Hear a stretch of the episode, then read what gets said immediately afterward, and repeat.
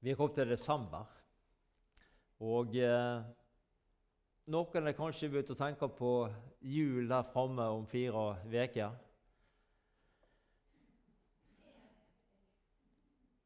Ja, det er helt korrekt. Det er ja, så Noen har jo tradisjon med å vaske ned hele huset osv. Det skal jo være rent i jul. Det skal bakes en masse julekaker og styr. Og så, eh, så spør vi kanskje nå er, men kanskje dere som har noen barnebarn som er såpass voksne, hvorfor, hvorfor feirer vi jul? Er det noen som spør. Og kanskje vi voksne også skulle ha spurt oss om det samme spørsmålet. Hvorfor feirer vi jul, og hva har vi fokus på?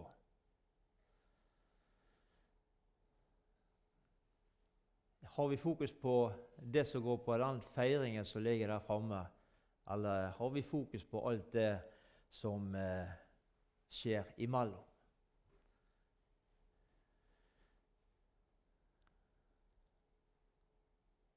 Det er lett for at eh, kanskje fokuset kan bli mer på det ene enn på det andre nå i disse dagene fram mot jul. Men jul uten Jesus, sang de, har liten verdi. Det blir som ei pakke med ingenting i. Og Hvis du hadde åpna en julepakke på julaften, og det ingenting var i den. Hva har du syntes om det? Hvis Magne hadde åpna en julepakke julaften, og ikke det var noen ting i den, da hadde han da sikkert blitt skuffa. Hadde ikke du det, Magne? Jeg hadde ikke blitt skuffa, sier han. Jeg tror jeg hadde blitt skuffa hvis jeg hadde, hvis hadde åpna en pakke og ikke det var noen ting i den. Altså. Noe så meningsløst og verdiløst. Det å åpne en pakke uten noe i. På samme måte er det å, å feire jul uten Jesus. Det har liten verdi. For innhold er viktig. Du tenker helt riktig. Det blir ingen jul uten Jesus. La denne jula få lov til å være en, eh, en høytid. Vi går jo snart inn i denne høytiden. Og la det få lov til å være en høytid der vi har fokus på Jesus. Vi skal kose oss, vi skal ha det kjekt sammen. Vi skal ete mye god julemat og julekaker osv. Men ha fokus også på Jesus. Det blir ingen jul uten Jesus. I dag så, eh, og det tror jeg kanskje jeg har gjort mange, eh, mange ganger nå når det nærmer seg jul, å lese dette verset som jeg nå skal lese. For det er for meg et vers som eh, som jeg setter veldig stor pris på. Og det er et, det er et kort vers som forteller hele juleevangeliet. Da leser vi fra 2. Korinterbrev, kapittel 8, og vi leser vers 9. Dere kjenner vår Herre Jesu Kristi nåde. For deres skyld ble han fattig da han var rik, for at dere skulle bli rike ved hans fattigdom.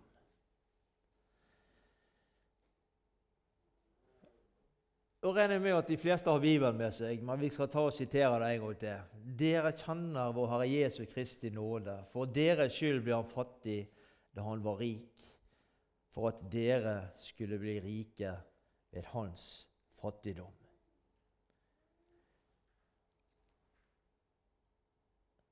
Jeg syns dette verset her forteller alt. Alt om det julens innhold er. Han kom til jord. Jesus kom til jord. Og dette på grunn av at vi skulle bli rike. Og det er, det er fantastisk, fortalt på en, på en enkel måte. Det er juleevangeliet i kortversjon for meg, disse, dette verset her. Det er mange taler i Bibelen. Det er mange lange seanser, og det er noen korte. Den viktigste talen den, eh, den var for, for, menneskeheten. Den uh, talen den ble fremført nå for, for, snart 2000 år siden. og vel det.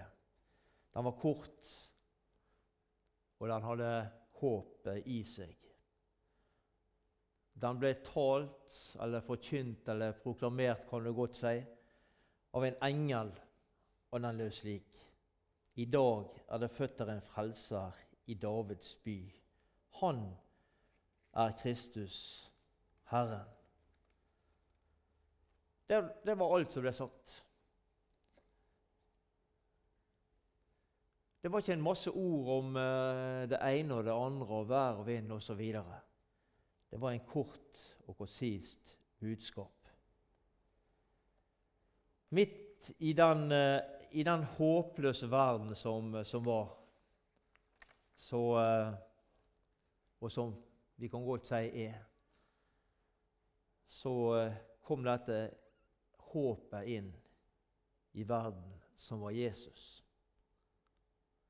Han ble gjort fattig for at vi skulle bli rike. Vi leser fra første Korinterbrev, kapittel 8, vers 6. Men for oss er det bare én Gud, Faderen. For Han er alle ting, og vi, skal, og vi er skapt i Han. Og for oss er det bare én Herre, Jesus Kristus. Ved Han er alle ting, og vi lever ved Han. Så er det for oss bare én Gud, Faderen. Vi har én Gud å forholde oss til. Vi har kjennskap, og vi vet om at vi trenger bare til å se oss litt ut over, og så ser vi det at det er mange ting. Det er mange ting som florerer av skikkelser og eh, Guds personer som en skal forholde seg til. Og kanskje spesielt for de minste iblant oss når nå er begynt på skolen osv.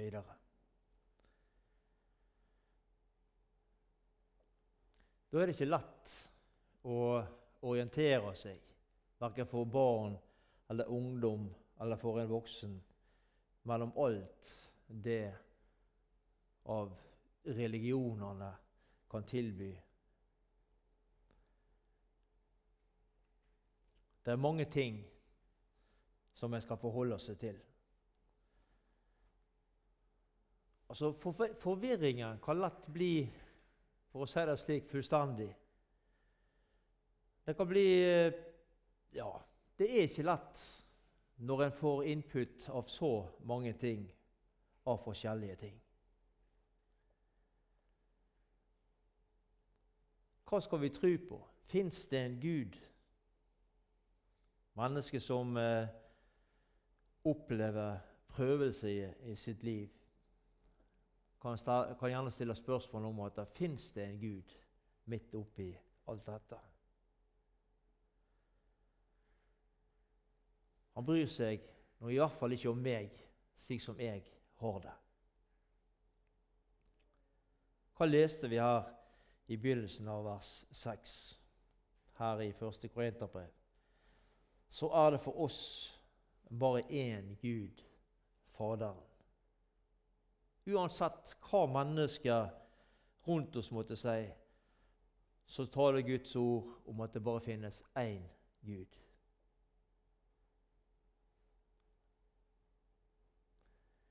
I, i profeten Malakias kapittel 2 vers 10, begynnelsen av det verset, så står det slik har vi ikke alle én far? Jo, det har vi. Vi har en biologisk far, alle sammen. Enten han lever eller ikke, så, eh, så har vi en far.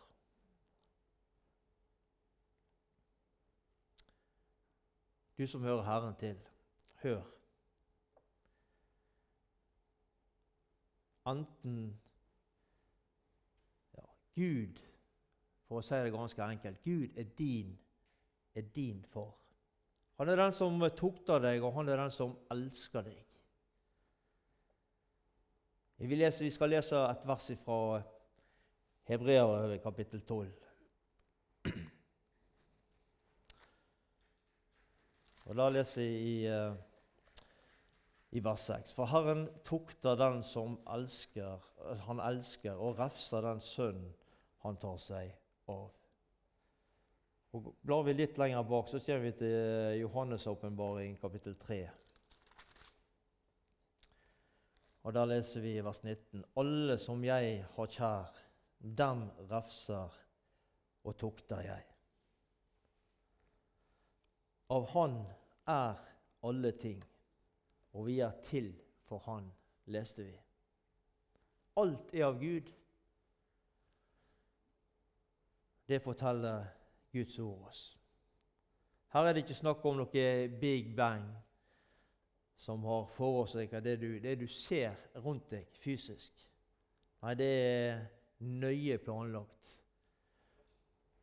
Og det som eh, skjedde i forhold til det som skjedde når mennesket ble skapt, så er det nøye planlagt. Vi, vi, skal ikke lese det, men det, står, det kan du lese om i Første Mosebok, kapittel 2, og, og eh, noen vers der.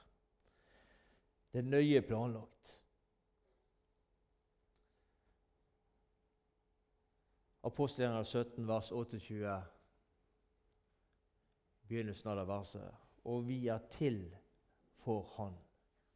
Og Disse ordene der, disse tre-seks ordene der, det er alvorlige ord. Vi er til for Han. Vi er til for Gud. Gud han trenger deg og meg i sin tjeneste. Han som vil at alle mennesker skal bli frelst. Og hvorfor? Det er for å nå det målet. Vi er til for Han.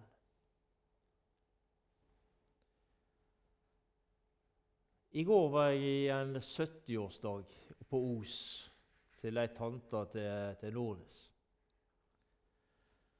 Og der eh, Det var jo veldig kjekt selskap. Det var eh, ingenting med det. Jeg var plassert sammen med noen foreningsdamer der, og de, de preikte jo på, de. Så kom jeg i snakk med et, eh, et, ektepar som eh, har vært misjonær i Etiopia i 20 år. Reiste ut i 1967. Og jeg sprakte mye med hun kona der. Og, og det, var, det, var, veldig interessant å sitte og høre på. Det kallet som hun fikk som tolvåring om å reise ut som misjonær. Og hun var 24 da hun reiste, hun og mannen, ut. Men eh, det å være lydig mot det kallet det, det, var veldig interessant å sitte og høre på disse to eh, gamle misjonærene fortelle. Og Så kommer spørsmålet til oss hva har vi gjort med vårt talent? Det vi har fått. Med de evner som du har fått ifra Gud. Hva har vi gjort? Hva har du gjort med de? Vi skal lese i Matteus 25.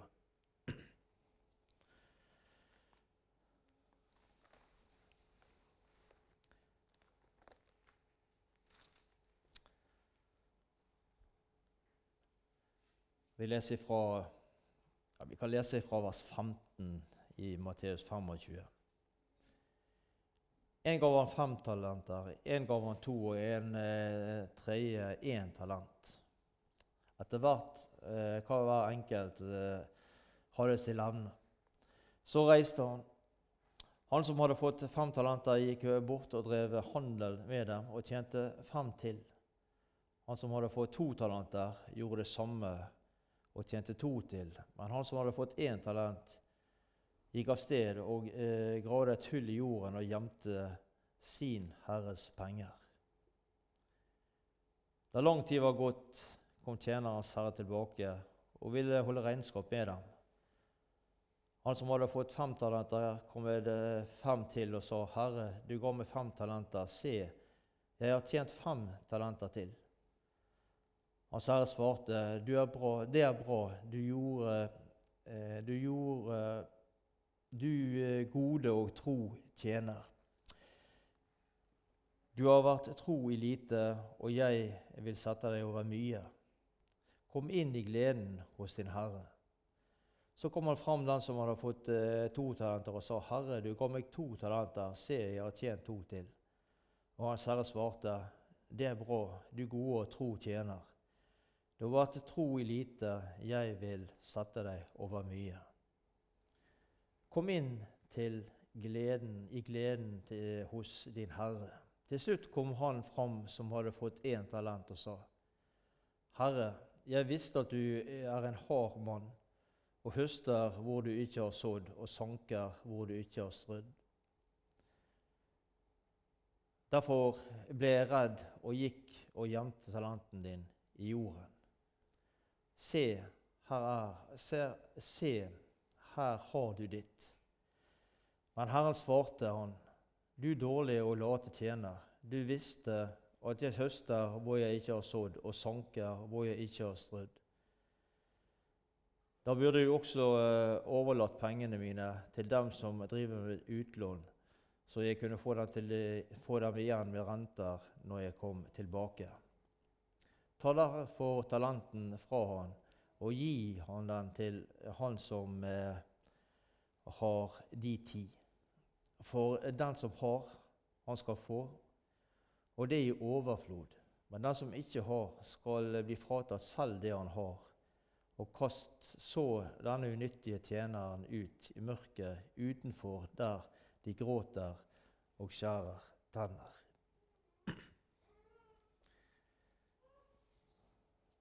Én talent den tilsvarte ca. 6000 denarer. Og En denar på den tiden det var en, eh, en dagslønn. Og Gud han utrusta i henhold til hvordan man er i stand til å, å bruke det Gud gir. Og Ordet 'dugelig', som vi leste, kan også oversettes med kraft, dvs. Si makt til å utføre. Det var ingen forskjellsbehandling på disse tre mennene som er omtalt her i det vi leste. De fikk de samme ja, De fikk det de var i stand til å ivareta, for å si det slik. Vers 16 så leste vi han som hadde fått fem talenter, gikk bort og drev handel med dem og tjente fem til. Og kanskje vi kan si ivrig i tjenesten, denne karen her. Men han gjorde det som uh, Hans Herre hadde forventa av ham. Han gikk straks, leste vi. Han utsatte ikke det som han uh, skulle gjøre. Og så har vi han som uh, fikk to talent. Han gjorde akkurat det samme. Han økte det med 100% Den tredje personen som det er snakk om her, hadde fått de samme mulighetene som de to andre. Men han, han neglisjerte de mulighetene han hadde. Var ikke, han var ikke uærlig, men han var lat. Det meste som er blitt utretta her i denne verden, er kanskje blitt gjort av folk som ikke har hatt mer enn én talent, for å bruke det bildet. Eller kanskje to. De brukte det de hadde, og mer forventes ikke. Mindreverdighetskompleks blant, eh, blander med latskap. Det er ikke det samme som ydmykhet. I vers 19 som vi leste, så, så står det at etter lang tid så kom denne her herren, denne mannen, tilbake fra utlandet. De tre personene som hadde fått utdelt disse talentene, hadde hatt god tid på seg til å omsette disse. Det var ikke tiden det sto på her. Samtidig ble deres troskap og utholdenhet satt på prøve.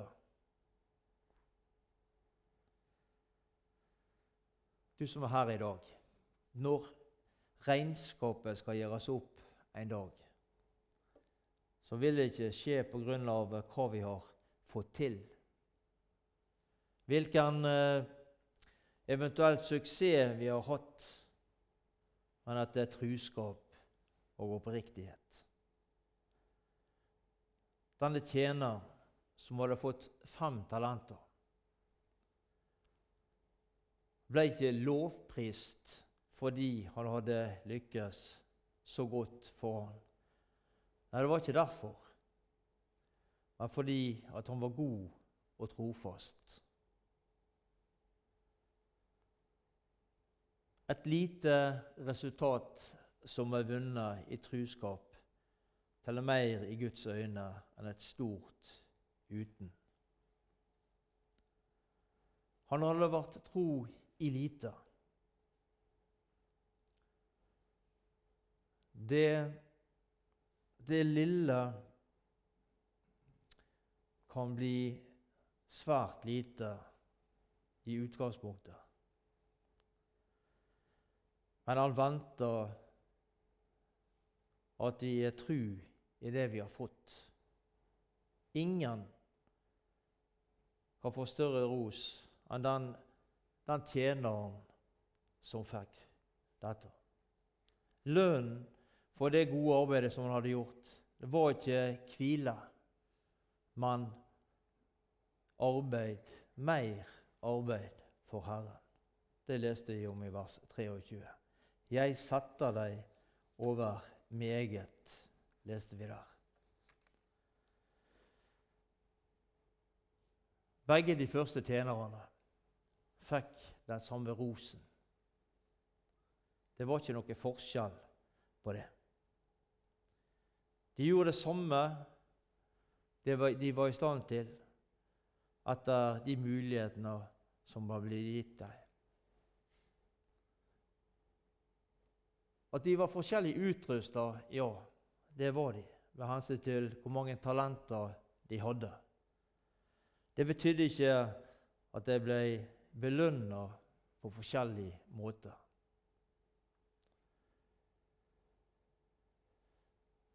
Så leser i 2. Korinterbrev, kapittel 8, skal vi tilbake igjen til. Vi skal vers, eh, lese noen vers litt, litt lenger ned. Til, vi skal lese vers 12 i kapittel 8. For når den gode vilje er der, skal den verdsettes etter det en har, ikke etter det en ikke har. Mellom det store som eh, vi ikke er i stand til å, å gjøre, og det små som eh, vi ikke vil gjøre, så er det en fare for at det ikke blir gjort noen ting. Og det var det som felte denne tjeneren som eh, hadde fått den ene talentet. Han mista ikke talentet, men han gjorde ikke det som denne Herren hadde bedt han om å gjøre.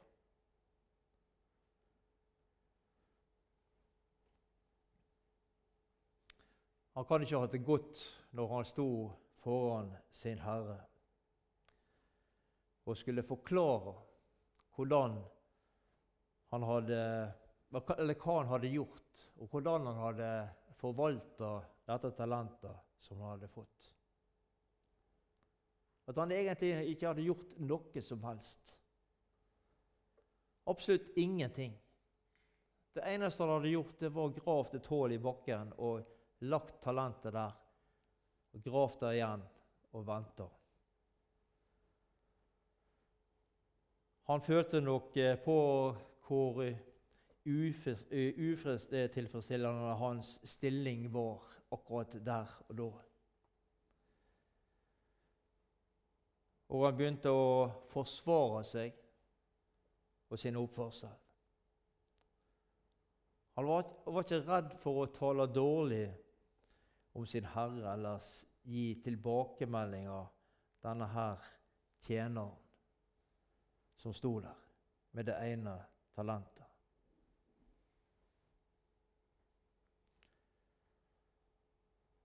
Han skyldte sin herre både arbeidsevne og tid.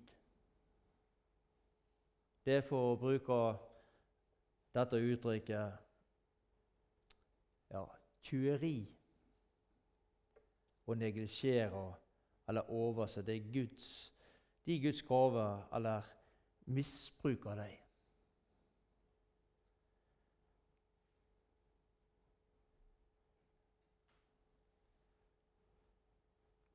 Det, det, er en helt feil innstilling hos en eh, Herrens tjener når vi tenker på den karen som sto der med ett. Det viser at man verken har syn for sin tjeneste eller for sin Herre. Han fikk ikke denne talenten for å begrave den, for å grave den ned. Det var ikke derfor han fikk den, men for at den skulle omsettes. Bortgjemt så ble denne talenten bortkasta. Vi leser i det 29. og 30. verset i Matteus 25. For den som har, han skal få, og det i overflod. Men den som ikke har, skal, ikke, eh, skal bli fratatt selv det han har. Og kast så den unyttige tjener ut i mørket utenfor der de gråter og skjærer tenner. Den som ikke har.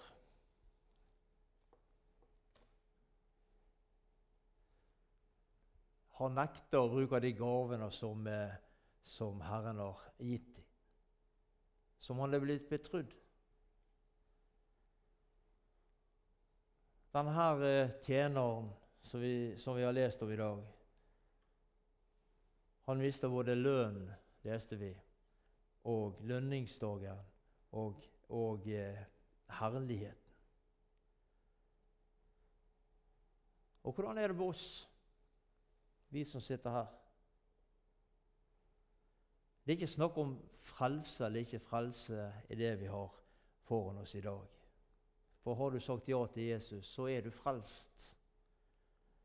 Men det er snakk om en lønningsdag i himmelen. En dag der framme så venter det en lønningsdag der hver og en av oss skal få betalt etter det vi har gjort.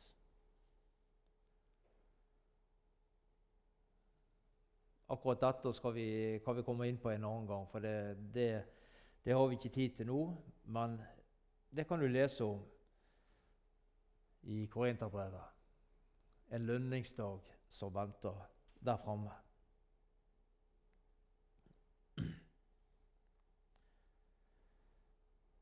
Og Så er spørsmålet hva, hvordan bruker vi vårt talent? Eller bruker vi det i det hele tatt? Ikke for å ære oss sjøl, men for å ære Gud. For å være med og spre dette glade budskapet om at Jesus, han kom til jord. Han levde her nede. Han gikk i døden for oss, og han lever, og går i forbønn for oss. Hvordan bruker vi vårt talent?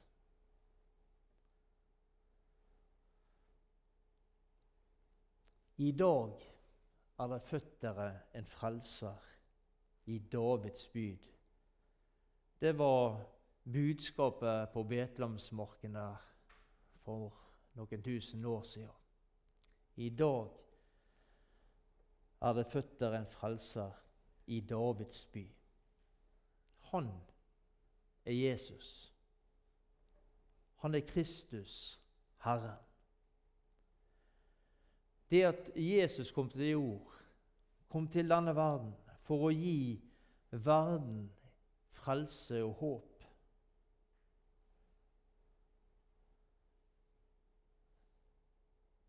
Bruk denne talenten, de evner som du har fått.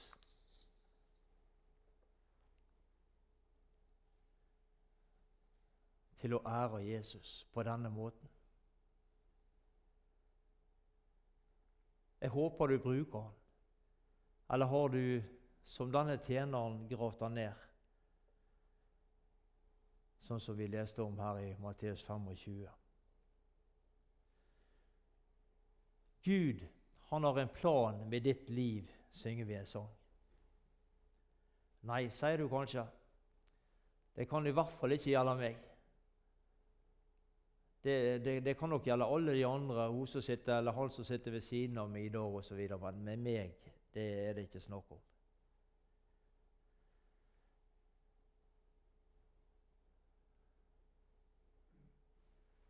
Hvis du tenker slik, så må jeg si deg dette at du tar helt feil. Det er ikke ofte jeg sier til folk at de tar helt feil, men da sier jeg det. Da tar du helt feil. Hva leste vi her til å begynne med i dag? Hva leste vi? Jeg godt eh, jeg skal, jeg skal, lese det opp igjen. Og jeg tenker på det vi leste i eh, i 1. Korinterbrev, kapittel 8, vers 6. Men for oss er det bare én Gud, Faderen. Av Han er alle ting, og vi er skapt til Han. Og for oss er det bare én Herre, Jesus Kristus. Ved Han er alle ting, og vi lever ved Han. Han trenger deg i sin tjeneste. På lik måte som denne her eh, dama som jeg snakket med, med, med i går, som fikk et kall når hun var tolv år gammel, om å reise ut som misjonær. Jesus trenger deg i sin tjeneste. Alle skal ikke reise ut som misjonærer. Alle skal ikke stå på en talerstol. Alle synger ikke for at andre skal få høre, osv. osv. Han, han har en tjeneste for deg. Det er mange tjenester i Guds rike.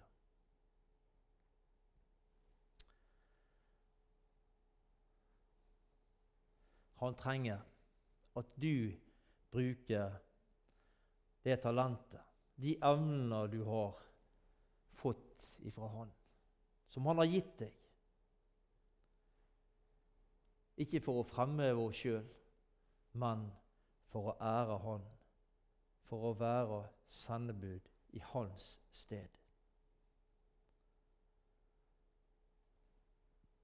Og så nærmer vi oss jul. Og så er det jo ikke fire uker til jul, men det nærmer seg allikevel. Og så er det Det er jo slik at mange gleder seg til jul. De aller fleste gleder seg til jul for å være sammen med familie osv. Det er en høytid der familien møtes og samles, og en har det kjekt i sammen. Men så er det dessverre slik at det er mange som ikke har det slik. Som der julen er det verste tidspunktet i hele året.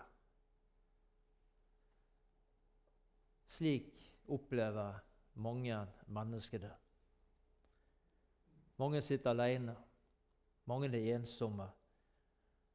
Og eh, mange bør bare ønske det at julen skal ja, forsvinne fort.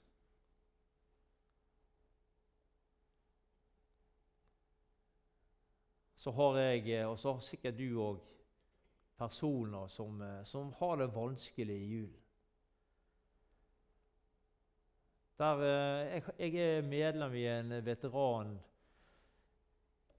som vi kaller det for, i forhold til de som har vært ute i, i Forsvaret utenlands.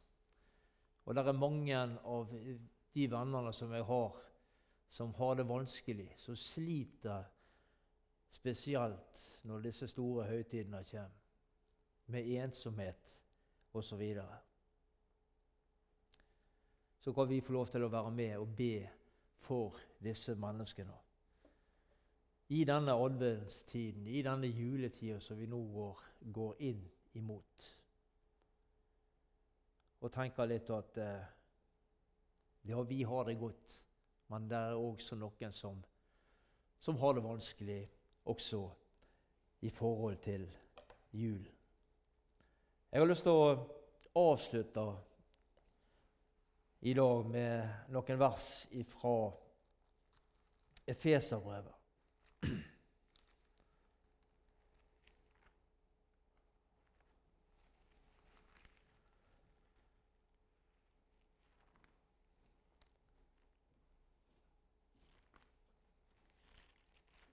Og Da skal vi bla opp i Efeserbrevet kapittel 3. Og Vi skal lese vers 14 til og med 21. Og I min bibel så står det som overskrift på dette avsnittet 'Bønn om styrke og innsikt'. Derfor bøyer jeg mine knær for Faderen, Han som har gitt navn til alt som heter far og barn i himmelen og på jorden. Jeg ber om at Han som er rik, er så rik på herlighet, må styrke deg, dere, i det indre mennesket med sin kraft og med sin ånd, så Kristus ved troen kan bo i deres hjerter, og dere kan stå rotfestet og grunnfestet i kjærlighet. Da kan dere sammen med alle de hellige bli i stand til å fatte bredden og lengden og dybden og høyden, ja, kjenne hele Kristi kjærlighet, som er mer enn noen kan fatte, og bli fylt av hele Guds fylde. Han som virker i oss med sin kraft, kan gjøre uendelig mye mer enn alt det vi ber om å forstå. Han være ære i menigheten og i Kristus Jesus gjennom alle slekter og i alle tider. Amen. Vi takker deg, Jesus, for ditt ord. Takk for at ditt ord er sannhet. Så må du hjelpe oss, Jesus, til å forvalte de talenter, de evner, og bruke dem til ære og tjeneste for deg, Jesus. Vi har fått noe alle. Hjelp oss til å bruke dem slik du ønsker at vi skal bruke dem, Jesus. Så ber vi for denne høytiden som vi ligger foran oss, Jesus, for alle de mennesker som, eh, som har det vanskelig, som ikke, som ikke, føler at julen betyr noen ting for deg, Jesus. Må du eh, styrke deg, må du hjelpe deg, Jesus, gjennom denne vanskelige tiden. Må la de få øye på deg, Jesus, oppi alle de vanskeligheter og de spørsmål og de bekymringer som de har, Jesus. Jeg ber om din styrke over disse menneskene som du ser har det vondt, og som mange også lengter, lengter etter å få en ro og fred i sitt indre Jesus. Og den freden og den roen kan du gi dem, og du kommer til dem. Det ber vi deg om, Jesus. Så legger vi hver enkelt uh, av oss i dine hender. Du ser hver enkelt som sitter her i dag, Jesus. Du vet om hver enkelt. Du kjenner til oss, du vet om oss, og du vil gi oss det som du ser at, trenger, at vi trenger i vandringen sammen med deg, Jesus. Det takker vi deg for. Vi takker for din godhet. Vi takker for, det, for din omsorg og din kjærlighet som du viser hvert enkelt menneske. I ditt hellige navn. Amen.